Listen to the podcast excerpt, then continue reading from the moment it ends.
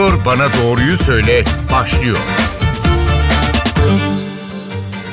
Merhaba, Sağlık Bakanlığı ve 11 farklı tıp fakültesi araştırma ve eğitimde şehir hastanesinden kardiyologların yaptığı Türkiye'de 2016-2022 kalp yetersizliğinde eğilimler çalışması The Lancet'ta yayınlandı.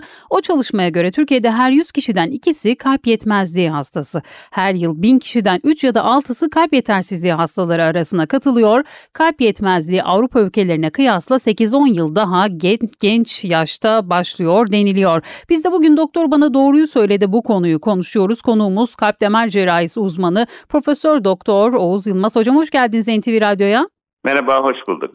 Öncelikle bir tanımlamayla başlayalım. Hep duyuyoruz bu kalp yetmezliği hastalığını ama başka hastalıklarla da karıştırmamak adına sormak istiyorum. Kalp yetmezliği tam olarak neye deniliyor? Kalp yetmezliği olduğunda başka hangi organlar etkileniyor ya da başka organların hastalığı durumunda bu kalbe yetersizlik olarak mı yansıyor? Ne dersiniz? Şimdi kalp yetmezliği evet bahsettiğiniz şey önemli. Kalp vücudumuzun ana organlarından bir tanesi ve bütün e, vücudun dolaşımını sağlayan e, bir pompa aslında. Dolayısıyla bu pompa düzgün çalışamadığı zaman yani yeterli olarak e, kanı ve oksijeni diğer organlara ulaştıramadığı zaman biz bunu kalp yetmezliği olarak tanımlıyoruz. Yani ana pompa düzgün çalışmıyor, yetersiz oluyor.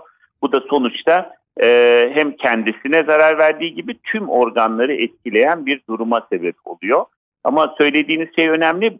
Kendisi kalp yetmezliği diğer organları bozabilirken diğer organlardaki harabiyet veya onların yarattığı etkilerde tam tersine kalp yetmezliği sebebi olabilir. Mesela bir böbrek yetmezliği gibi.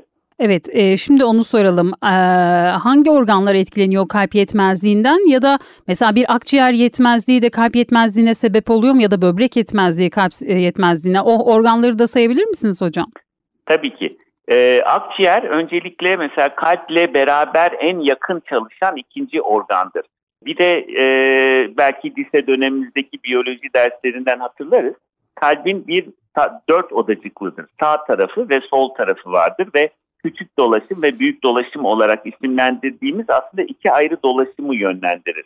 Bunlardan küçük dolaşım dediğimiz şey vücutta işte e, dolaşıp oksijenini e, organlara veren kan kalbe geri gelir. Onu öncelikle kalp toparlar ve onu akciğere belli bir basınç ile gönderir ki akciğerde temizlensin, yeniden oksijenlensin.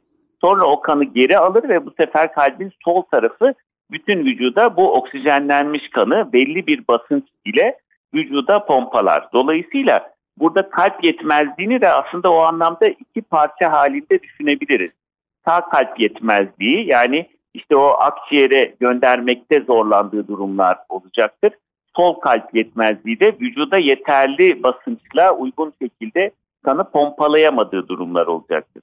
Dolayısıyla burada tam arada yer alan akciğer özellikle önemli. Akciğerdeki patolojiler mesela o bizim KOAH dediğimiz kronik obstrüktif akciğer hastalıkları veya başka şekilde yine kalbin kapaklıklarıyla da bağlantılı oluşabilen kalıcı akciğer hasarı bunlar hep kalbin önünde bir yük oluşturacağı için kalp yetmezliğini özellikle arttıran e, durumlar olacaktır.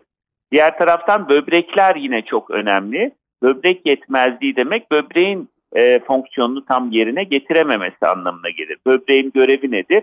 E, vücuttaki ekstra sıvıyı atmak, beraberinde onunla beraber metabolik olarak ortaya çıkan toksinleri veya metabolik atıkları vücudun dışına atmak. Böbrek düzgün çalışamadığı zaman ne olur? Vücutta ciddi sıvı artışı olur. Onunla beraber diğer birçok metabolik toksin dediğimiz şey aslında vücutta birikmeye başlar. İşte bu biriken toksinler aynı zamanda kalp kimyasal etkilerle fonksiyonunu görür. Yani o toksinlerin etkisiyle birlikte kalp kasılması bozulur, ritmi bozulur. Dolayısıyla o bir kalp yetmezliğine sebep olabilir. Bir de kalp bir pompa dedik ee, ama pompanın pompalayabileceği belli bir miktar sıvı var. Onun da bir kapasitesi var. Böbrek düzgün çalışmayıp da vücutta sıvı biriktirdiği zaman ne olur? Kalpte aynı pompa çok daha fazla yükle çalışmak zorunda kalacağı için yine yetmeyecektir ve kalp yetmezliği dediğimiz tablo böbrek yetmezliğinin de bir ikinci sonucu olarak ortaya çıkabilecektir. Hocam şimdi çalışmada en fazla hasta sayısı 1 milyon 906 bin 39 da 50 ila 79 yaş aralığında deniliyor. Size gelen hastaların yaş ortalaması da bu şekilde mi yoksa daha küçük yaşlarda da görülebiliyor mu? Bir oranlama yapın desek ne dersiniz?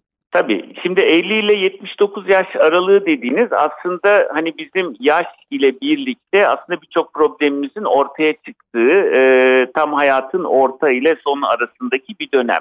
E, dolayısıyla şimdi burada kalp yetmezliğinin sebeplerini aslında saymak lazım. Kalp yetmezliği dediğimiz tablo birçok değişik sebepten e, oluşabilir ama en sık bildiğimiz sebep aslında bizim koroner arter hastalığı dediğimiz yani kalpli, kalpli besleyen damarlar, koroner arterler bunlardaki damar kireçlenmesi yani ateroskleroz nedeniyle oluşan daralmalar, tıkanmalar ve buna bağlı geçiril, geçirilen kalp krizleri. Kalp krizi ne demek?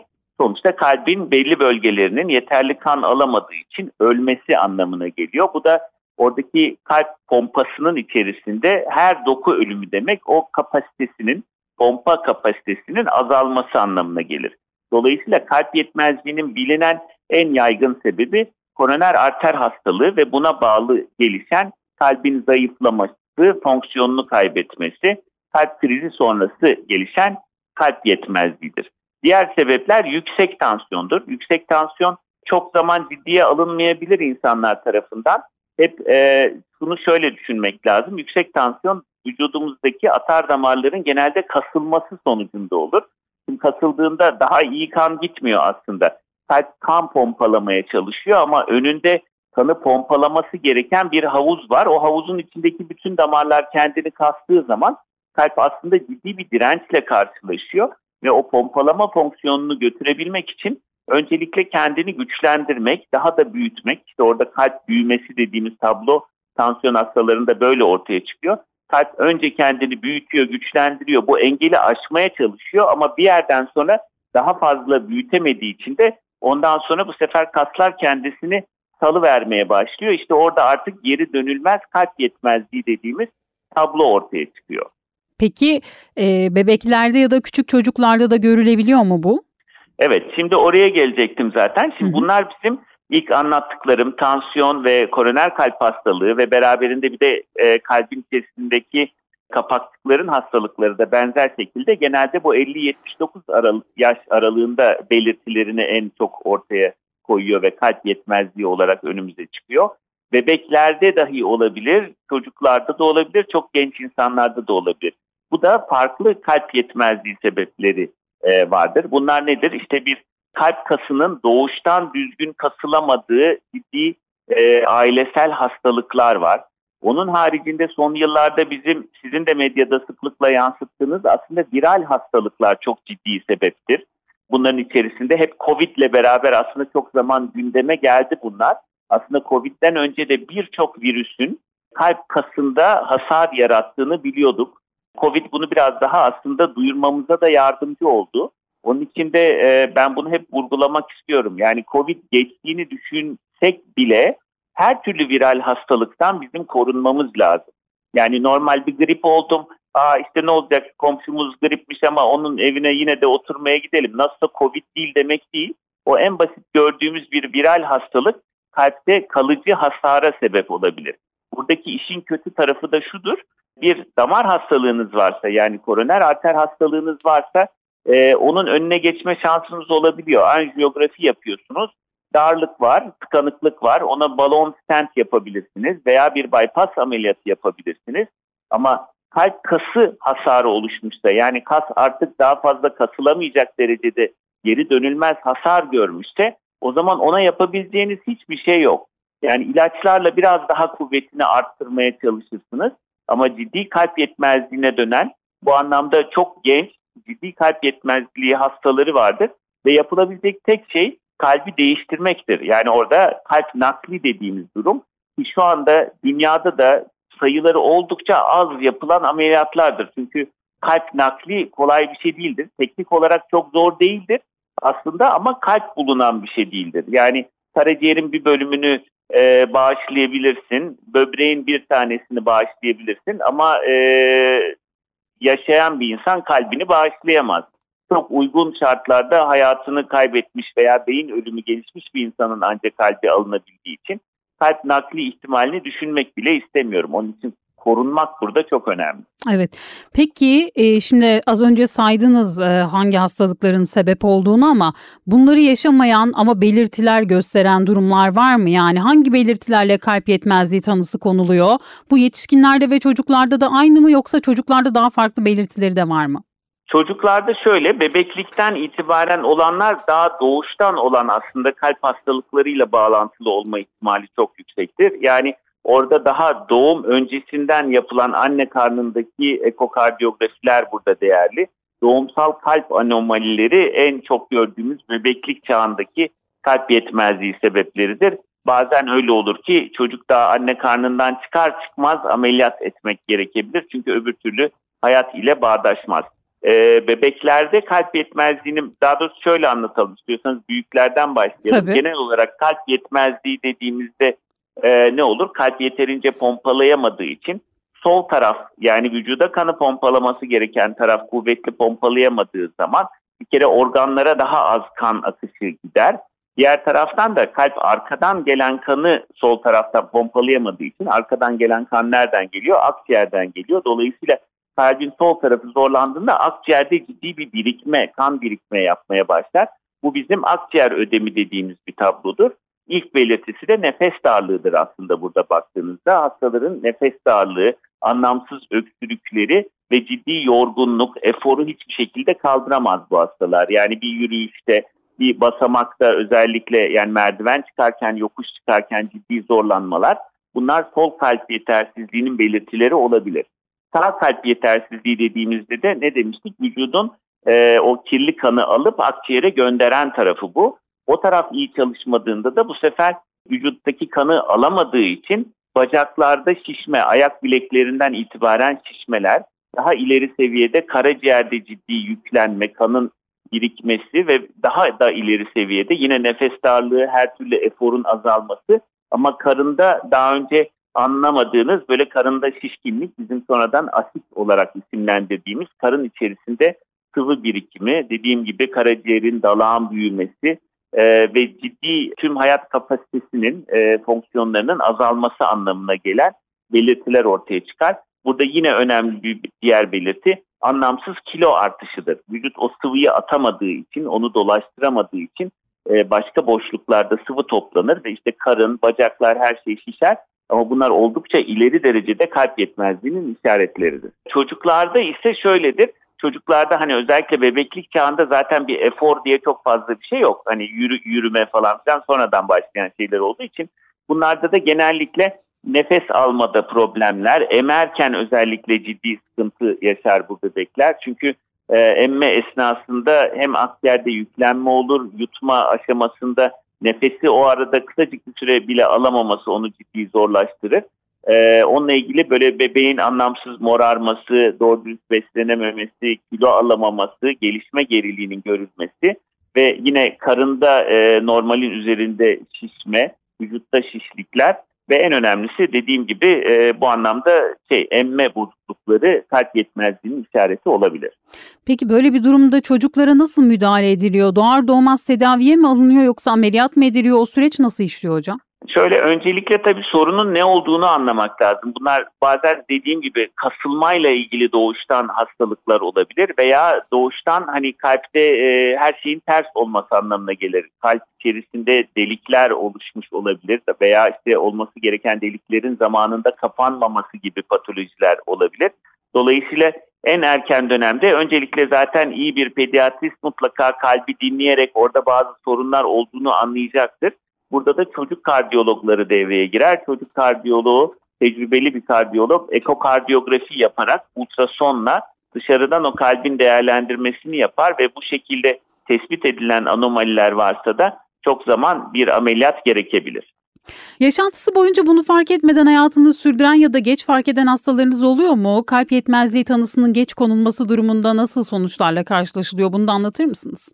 Evet kesinlikle oluyor. Ee, genç yaşlarda biraz daha zor bunu atlamak. Çünkü genelde genç yaştaki insanlar yani çocuklardan bahsediyorum özellikle gençlerden daha aktif oluyorlar. Dolayısıyla e, aktif spor yaparken, günlük okul hayatlarında teneffüste koştururken mutlaka diğer çocuklardan daha geride kaldıkları dikkat çekiyor. Gerek öğretmenleri, gerek veliler tarafından. Dolayısıyla ona biraz daha dikkat çekebiliyor ama daha ileri yaşlarda insanlar biraz daha izole yaşadıklarında birçok şeyi ay işte dizimden dolayı yürüyemiyorum şöyle böyle falan derken aslında kalp yetmezliğinin yarattığı o efor kısıtlılığını, nefes darlığını sadece kiloya bağlanabilir mesela çok zaman. E, bunları atlayabiliyor insanlar. Yine şeker hastalarında çok önemli. Birçok kalp hastalığı çok fazla belirtisini net olarak vermez. Dolayısıyla orada da yine gözden kaçabilir. Onun için düzenli kalp kontrolleri özellikle hani 35-40 yaşından sonra özellikle önemli bu tip şeyleri atlamamak adına.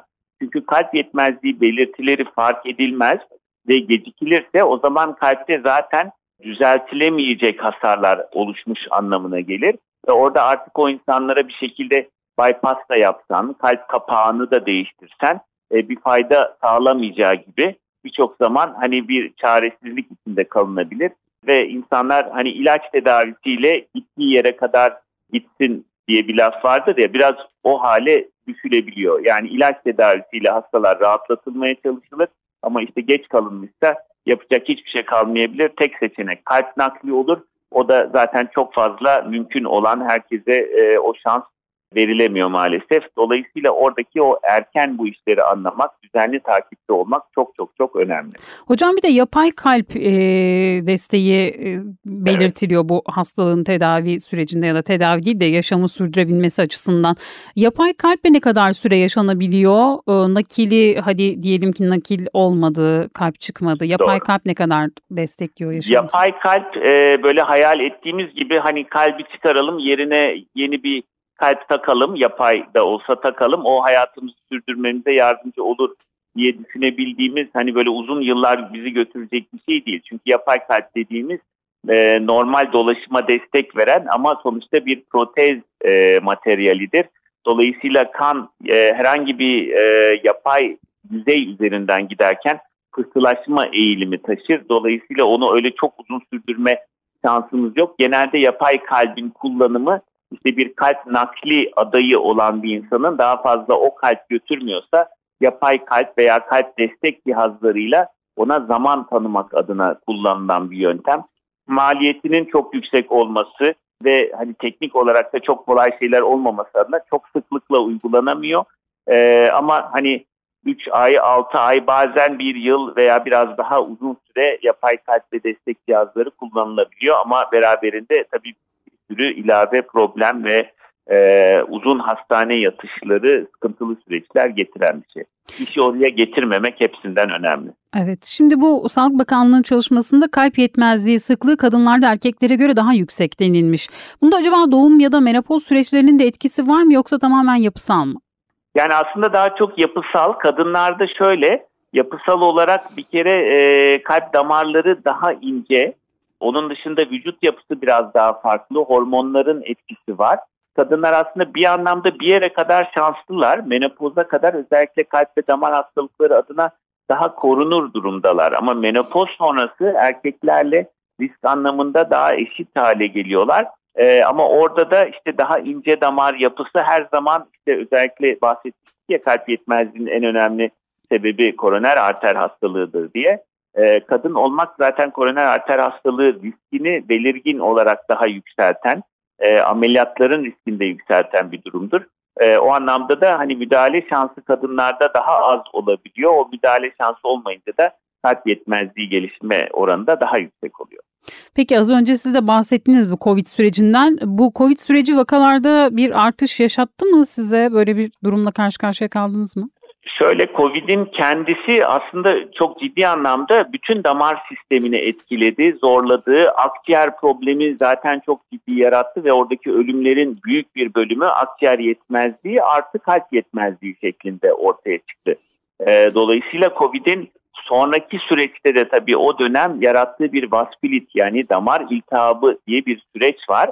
Onun da halen etkilerini görüyoruz, göreceğiz e, öyle görünüyor. Dolayısıyla o rakamları ciddi anlamda arttırdı evet. Peki e, son olarak şunu sormak istiyorum. E, düzenli olarak e, kontrolleri yaptırmak bu süreçte ne kadar etkili? Ne dersiniz buradan bizi dinleyenlere bir tavsiye olarak ne söylemek istersiniz? Burada zaten bahsettiğimiz şey yani en önemlisi bu tip hastalıklar kalp yetmezliği kalbin artık son aşamaya gelmesi anlamına gelir. Dolayısıyla o aşamada yapabileceğimiz şeylerin, e, müdahalelerin oldukça sınırlı olduğunu özellikle vurguladık baştan itibaren. E, orada ne yapmamız gerekiyor? Evet kalbimizin değerini bilmemiz gerekiyor. Sağlıklı olduğumuzu düşündüğümüz zaman bile düzenli kontrolleri yaptırmamız gerekiyor. Çünkü bir zarar oluştur, oluştuktan sonra orada geri dönüş şansımız her zaman yok. Dolayısıyla o kontroller çok önemli. Özellikle 40 yaşından sonra mutlaka senelik en kötü iki senede bir kalp kontrollerinin yapılması lazım. Ekokardiyografi, efor testi, kan yağlarının mutlaka kontrol edilmesi. Orada aile hikayesi önemli. Özellikle ailemizde daha 40'lı 50 yaşlarda stent olmuş, bypass olmuş veya erken ani ölümleri olmuş insanlar varsa o hikayenin size de gelmiş olabileceğini, size de genetik olarak yansımış olabileceğini bilmeniz, o anlamda erken davranmanız çok önemlidir. Çok teşekkür ederiz hocam. Ağzınıza sağlık programımıza katıldığınız, sorularımızı yanıtladığınız için. Ben teşekkür ediyorum. Çok sevgiler. Doktor bana doğruyu söyledi. Bugün kalp yetmezliğini konuştuk. Konuğumuz kalp damar cerrahisi uzmanı Profesör Doktor Oğuz Yılmaz'da haftaya farklı bir konu ve konukla tekrar bir arada olmak dileğiyle. Hoşçakalın.